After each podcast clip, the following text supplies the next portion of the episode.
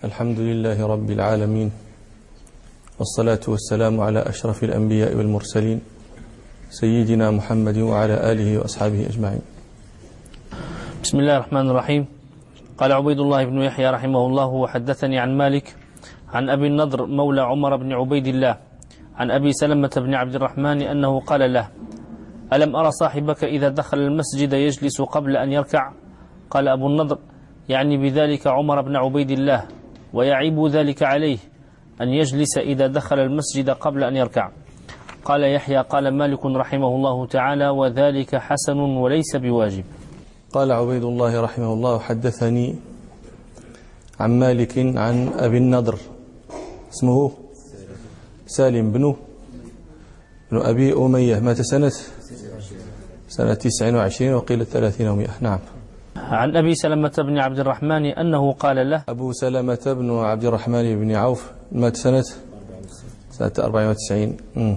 عن أبي سلمة بن عبد الرحمن أنه قال له ألم أرى صاحبك إذا دخل المسجد يجلس قبل أن يركع المتكلم أبو سلمة بن عبد الرحمن والمخاطب أبو النضر وصاحب أبي النضر يقول له هو ألم أرى صاحبك من صاحبه؟ يقصد عمر بن عبيد الله وهو عمر بن عبيد الله بن معمر بن عثمان بن عمرو بن كعب بن سعد بن تيم بن مرة بن كعب بن لؤي بن غالب بن فهر القرشي التيمي أحد وجوه قريش وأحد أشرافها وأحد أجواد العرب وأحد الفرسان المشهورين الأمراء الشجعان. كان سيد بني تيم في وقته. قال رجل للمهلب بن أبي صفرة. مهلب بن أبي صفرة هذا أحد الأمراء الشجعان مشهور وهو وبنوه بالبطولة والشجاعة والفروسية. سأله رجل سأل المهلب فقال له أحد من من شجعان العرب؟ فقال له المهلب أحمر قريش وابن الكلبية وصاحب النعل الديزج. فقال له الأعرابي والله ما نعرف أحدا من هؤلاء. فقال له بلى. أحمر قريش هو عمر بن عبيد الله بن معمر. هذا. والله ما جاءتنا سرعان الخيل إلا ردها. سرعان الخيل أوائلها إلا ردها. وأما ابن الكلبية فمصعب بن الزبير أفرد في سبعة. وأعطي له الأمان. فأبى حتى قتل على بصيرته.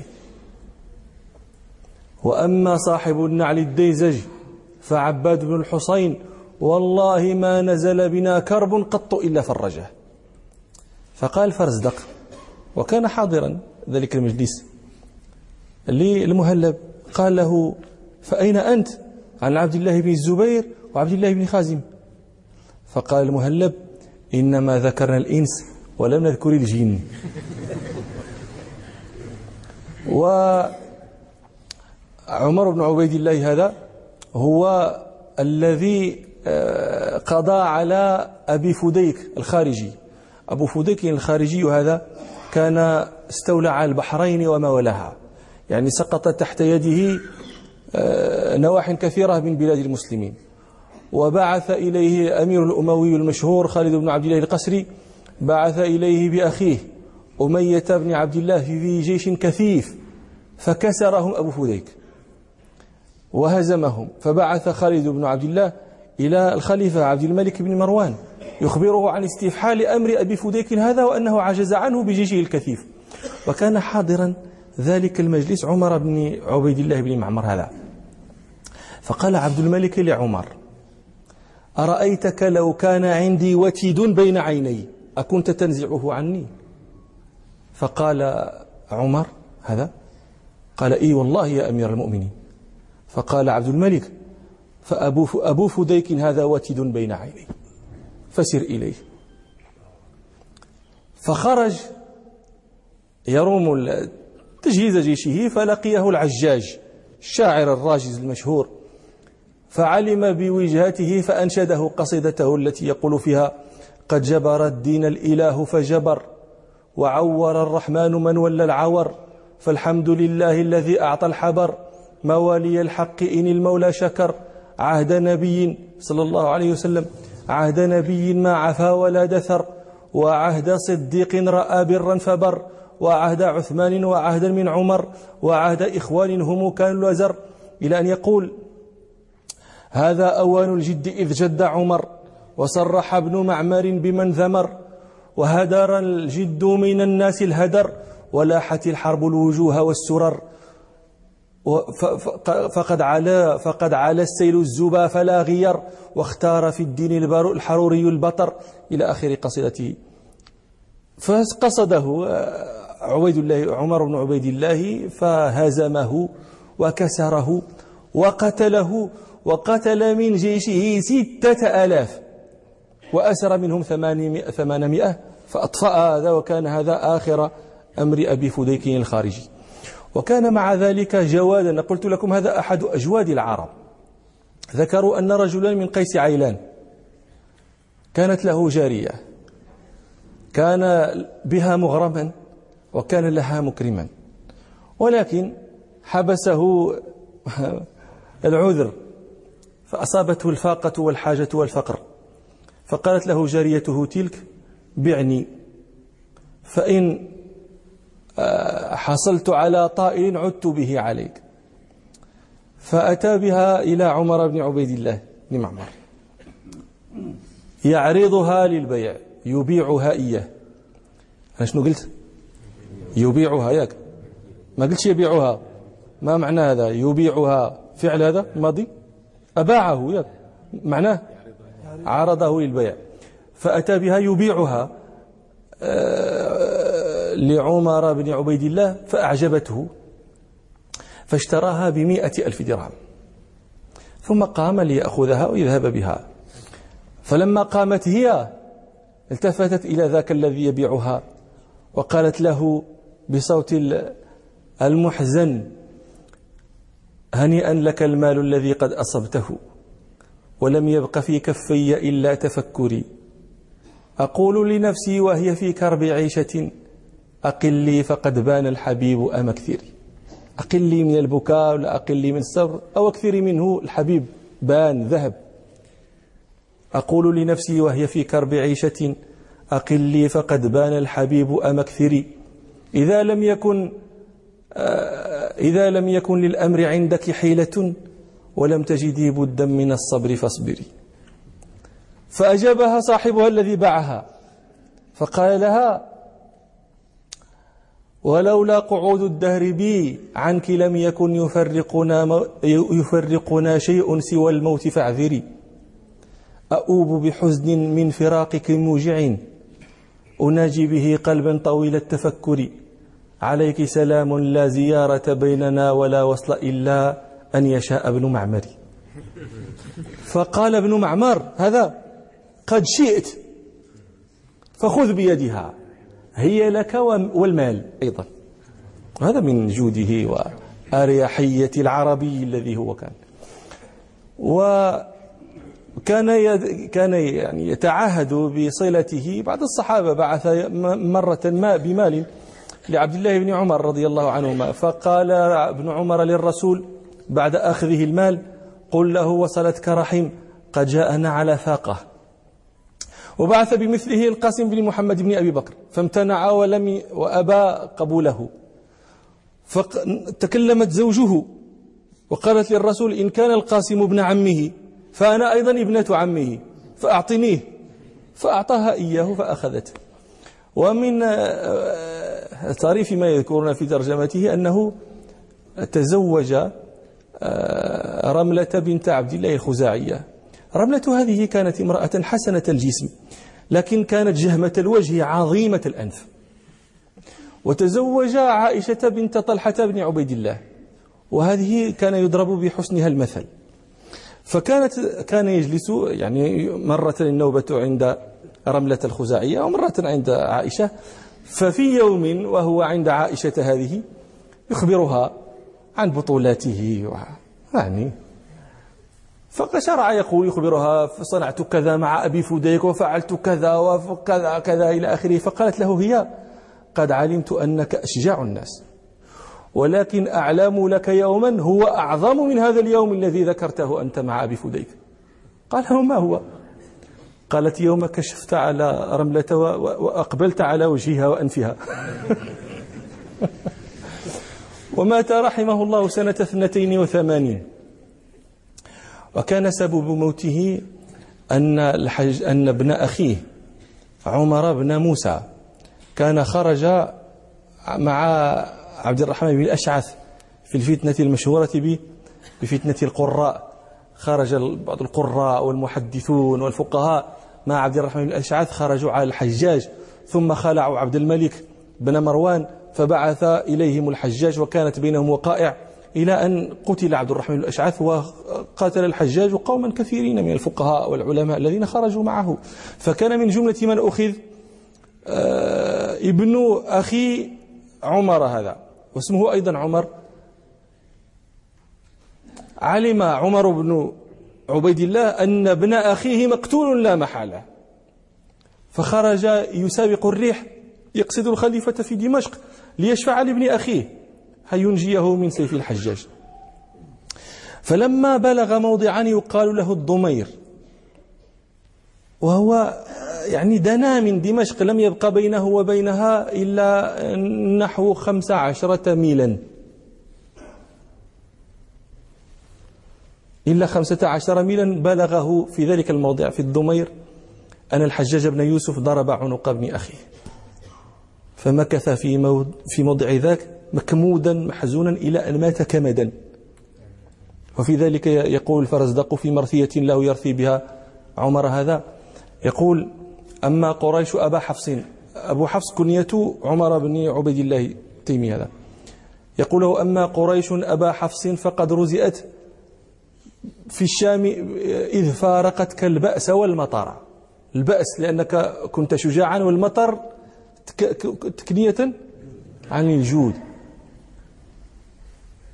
إن الأرامل والأيتام إذ هلكوا والخيل إذ هزمت تبكي على عمر.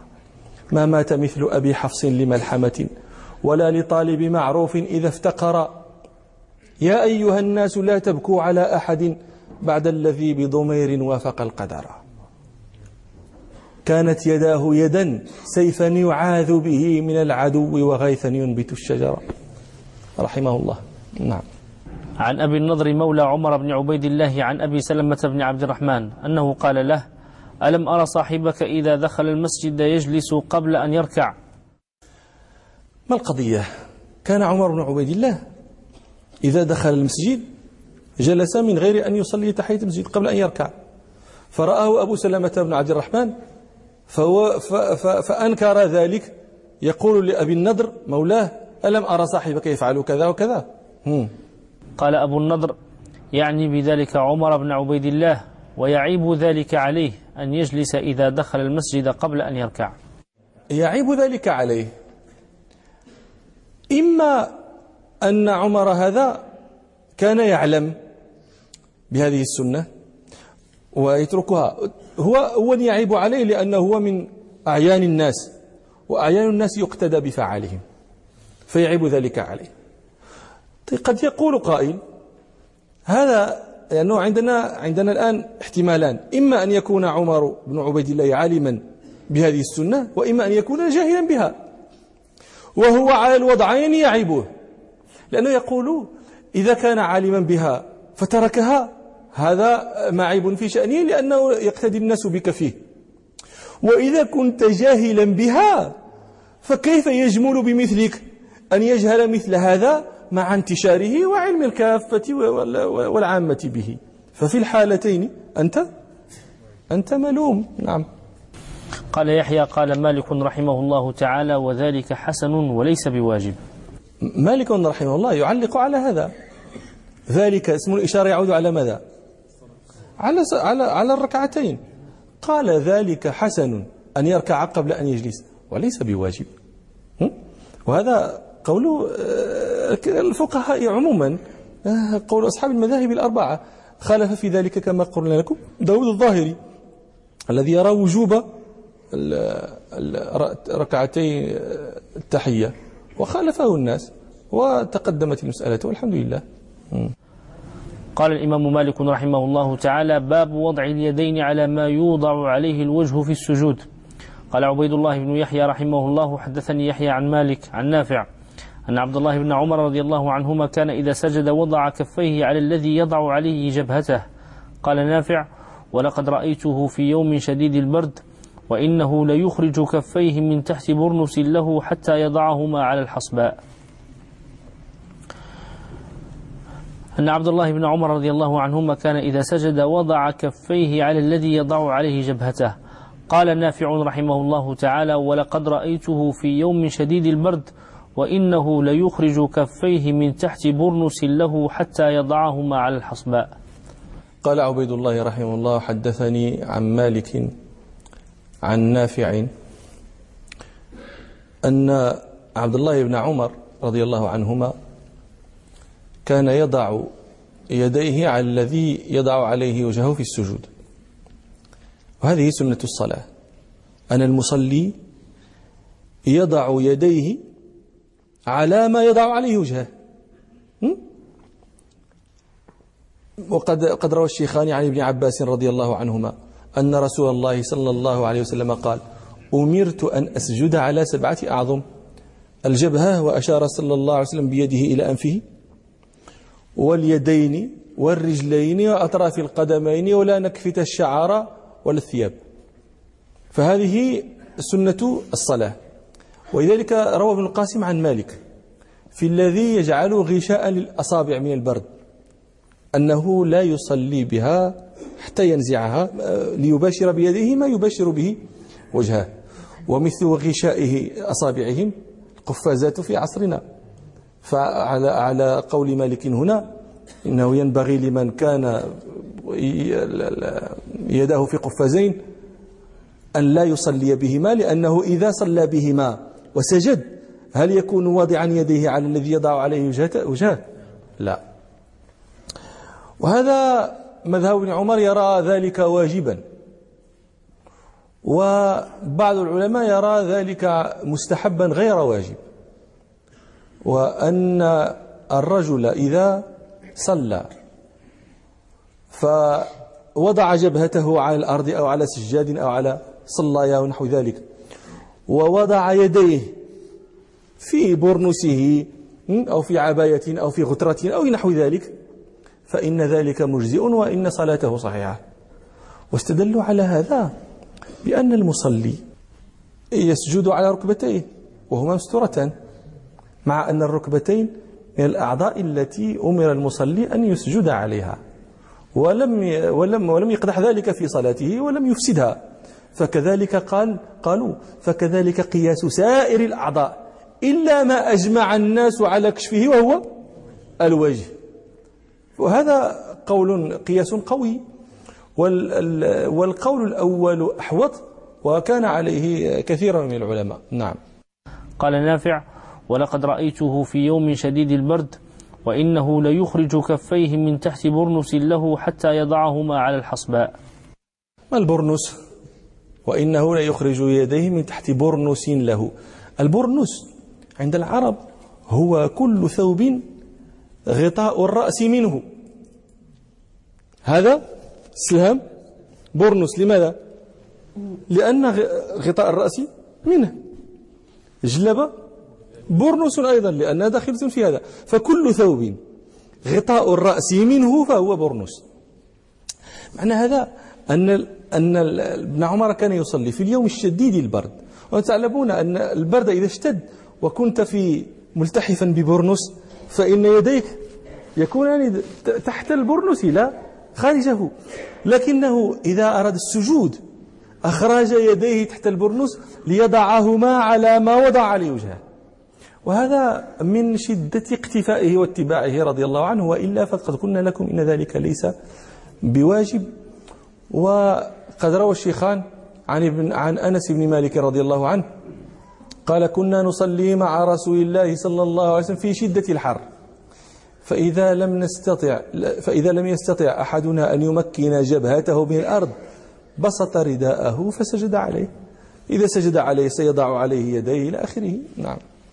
قال عبيد الله بن يحيى رحمه الله وحدثني عن مالك عن نافع أن عبد الله بن عمر رضي الله عنهما كان يقول من وضع جبهته بالأرض فليضع كفيه على الذي يضع عليه جبهته ثم إذا رفع فليرفعهما فإن اليدين تسجدان كما يسجد الوجه.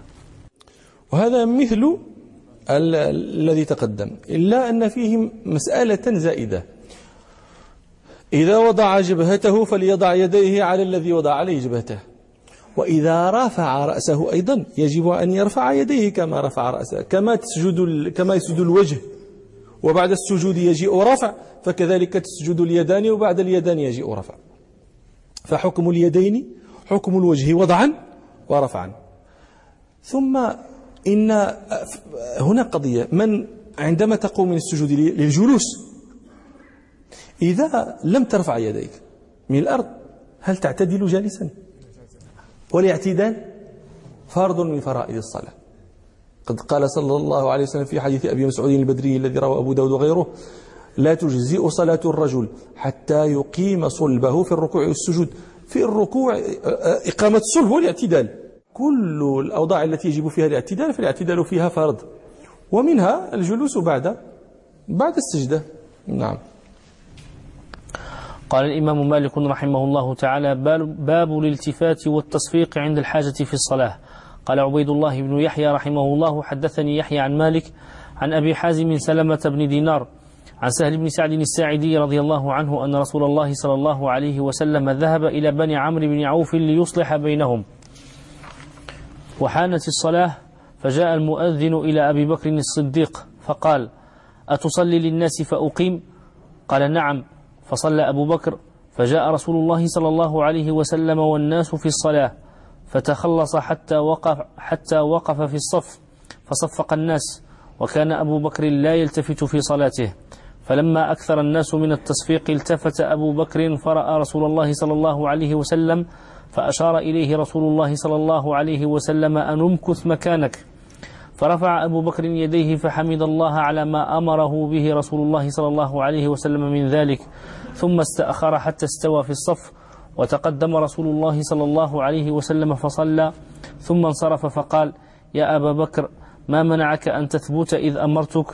فقال أبو بكر ما كان لابن أبي قحافة أن يصلي بين يدي رسول الله صلى الله عليه وسلم؟ فقال رسول الله صلى الله عليه وسلم ما لرأيتكم أكثرتم من التصفيق.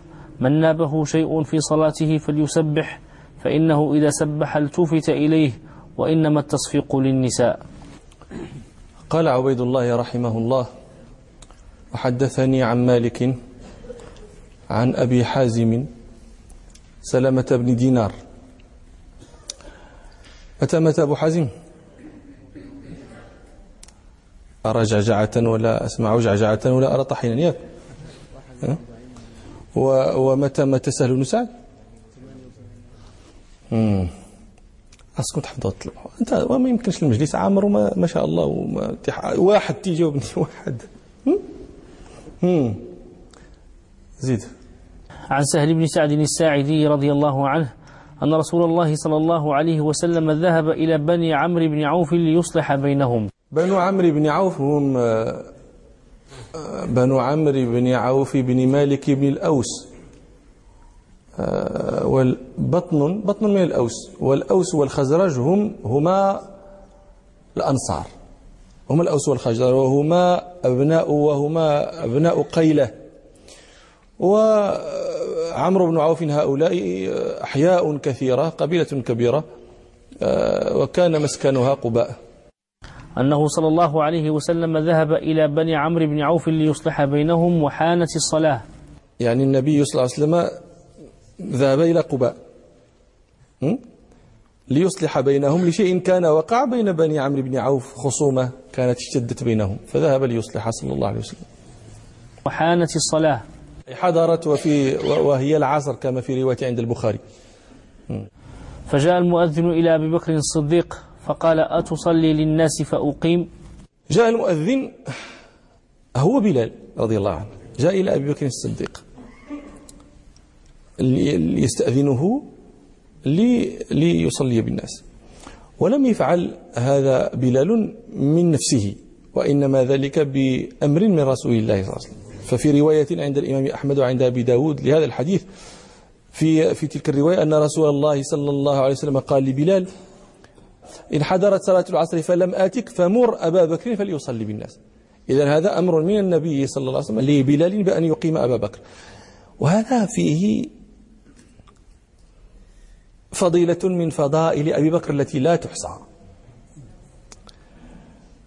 الناس ينتظرون الصلاة حضرت الصلاة واجتمع المسلمون في المسجد والنبي صلى الله عليه وسلم في قباء. فجاء الناس ترى بلالا جاء قاصدا أبا بكر فقط. يستأذنه أن يصلي بالناس. وكانوا يختارون لإمامتهم سيدهم وأفضلهم وخيرهم. والصحابة يرون هذا وما أنكر منهم أحد. ولا قال أحد لماذا قلت لماذا لماذا ذهبت إلى أبي بكر؟ لماذا ما ذهبت إلى علي ولا إلى عثمان ولا إلى سعد ولا إلى عمر؟ ما تكلم أحد. ما على أي شيء يدل هذا؟ هل علموا أن النبي صلى الله عليه وسلم هو من أمر بلالا بهذا. هم يرون هذا شيء يتطوع يعني كأنه شيء يتطوع به بلال. ومع ذلك ما أنكر أحد ولا ولا خالف أحد ولا عارض أحد. هذا يدل على أنهم جميعا مسلمون بأن أبا بكر له حيثية له وضع له مقام لم يرتقي إليه أحد منهم إطلاقا. وهذا سيزيده إيضاحا رسول الله صلى الله عليه وسلم. لما جاء النبي صلى الله عليه وسلم فتخلص حتى وقف في الصف. وأراد أبو بكر أن يرجع. ماذا فعل النبي صلى الله عليه وسلم؟ أشار إليه أن أمكث. ما معنى هذه الإشارة؟ أمكث إماما بجماعة فيها رسول الله صلى الله عليه وسلم. أي مقام هذا؟ أي مقام هذا؟ ليبين أن النبي هذا ليبين أن النبي صلى الله عليه وسلم راضي هذا راضي تقديمة أبي بكر. لكن أنا أقول لكم شيئا. هذه الإشارة من النبي صلى الله عليه وسلم في مسجد مملوء بالمصلين. كم يراها من الناس وهم في صلاة؟ النبي صلى الله عليه وسلم يقول لهم أشار إليه. كم كم من الناس يرى إشارة النبي صلى الله عليه وسلم؟ لا يراها إلا الأدنون.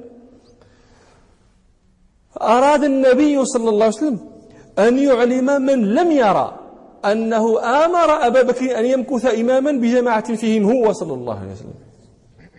حتى لا يقول قائل أو متوهم أن أبا بكر لما رجع فإنما رجع بأمر من رسول الله سبحانه يقول لي ارجع اللور لا. ولذلك لما انصرف من الصلاة قال له صلى الله عليه وسلم ما منعك أن تثبت إذ أمرتك ليعلم من لم يرى الإشارة؟ أنه أمر أبا بكر بالمكوث فلم يمكث. وهذه نور على نور لا إله إلا فهنيئا لأبي بكر بمقام هذا الذي لم يضاهه فيه أحد؟ نعم. فجاء المؤذن إلى أبي بكر الصديق فقال أتصلي للناس فأقيم؟ قال نعم. قال نعم. قال أبو بكر نعم. هل استأذن أبو بكر غيره؟ الآن من الذي يحدث أبا بكر؟ بلال. وبلال رجل من المصلين. هل قال أبو بكر لبلال انتظر حتى أرى الناس حتى أستأمرهم حتى ها؟ لا. علم أن كثيرا منهم سيرضى هذا. ولذلك قال الفقهاء هذا أصل في أن من آه، رأى في نفسه أهلية لأمر فإنه يتقدم إليه وإن لم يقدمه جميع الحاضرين. بل إذا قدمه بعضهم. وكانت فيه أهلية لذلك الأمر فإنه يتقدم ولا, ولا, ولا يتوقف إلى أن يتفق يوافقونه جميعا على على على أن يتقدم. ثم قول هنا مسألة.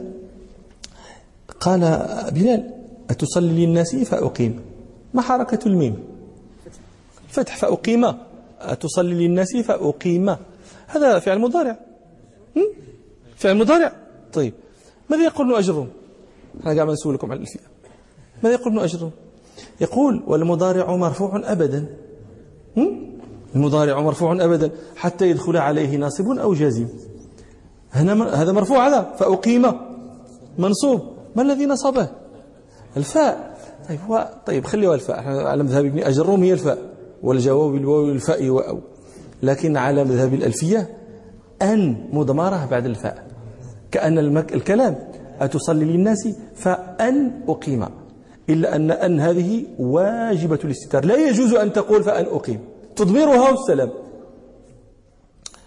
يقول ابن أجرم وبعد فجواب نفي وطلب محضين أن وسترها حتم النصب.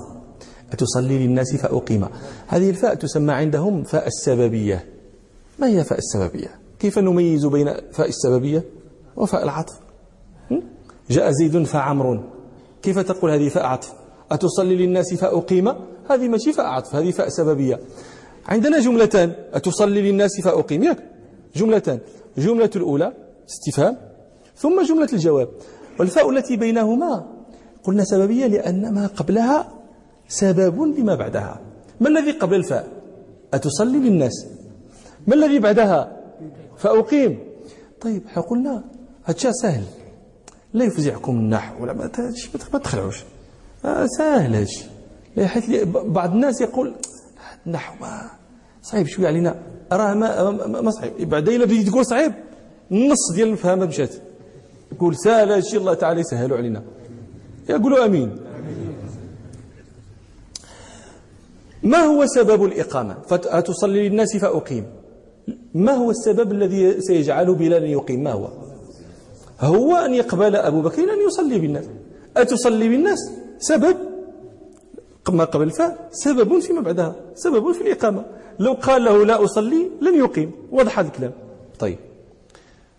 إذا كانت الفاء جاءت جوابا لأمور فإنها تنصب هي أمور تحتاجون حفظها. جمعها واحد في بيت. أمور تسعة. جمعها إنسان في بيت واحد. يقول مر وادع وانهى وسل واعرض لحظهم تمنى وارجو كذاك النفي قد كمل. مر وادع مر وادع وانهى وسل واعرض لحظهم تمنى وارجو كذاك النفي قد كمل. إذا جاءت الفاء جوابا بعد هذه الجمل بعد جملة من هذه الجمل تسع فإنها تنصب الفعل المضارع. يقول ومر. إذا جاءت جوابا للأمر اجلس في الدرس. فتستفيد. إيش؟ دا فتستفيد. جواب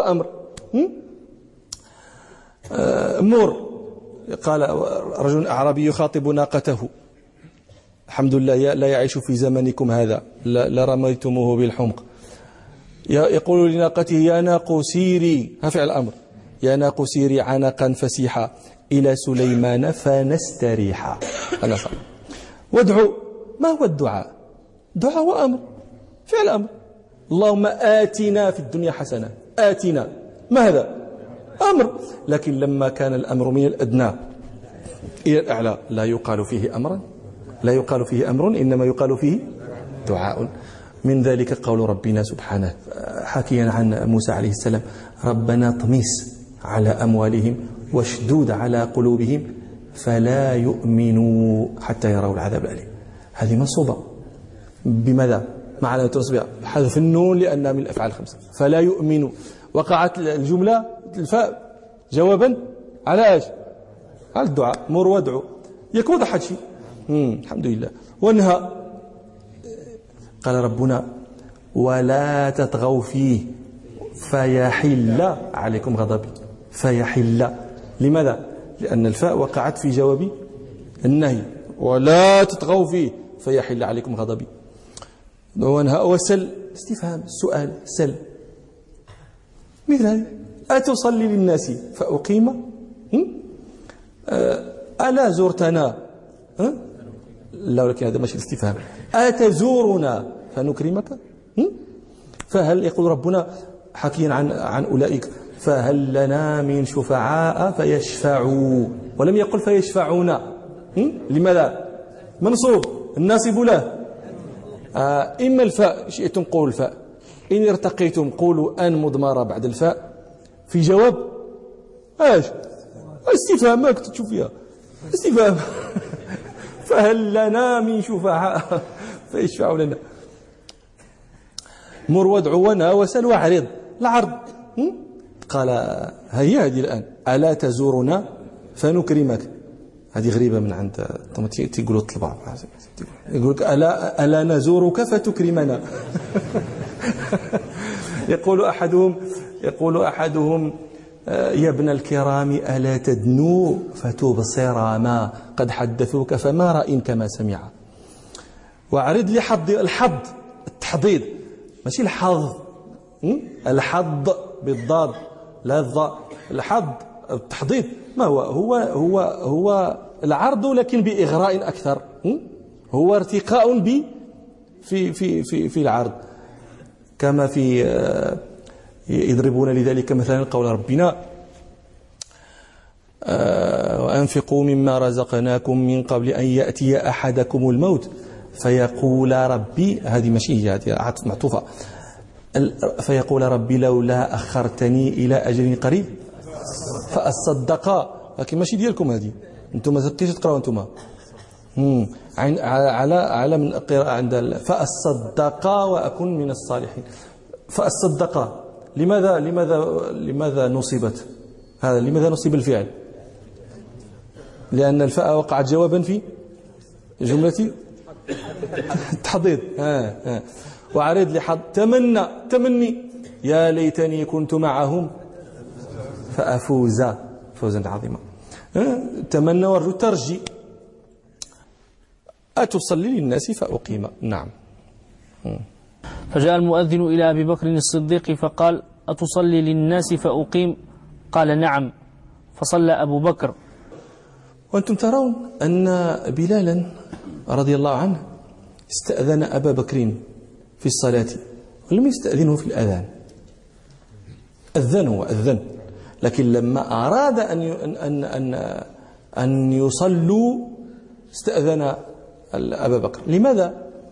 لأن الأذان لا اتصال له بالصلاة.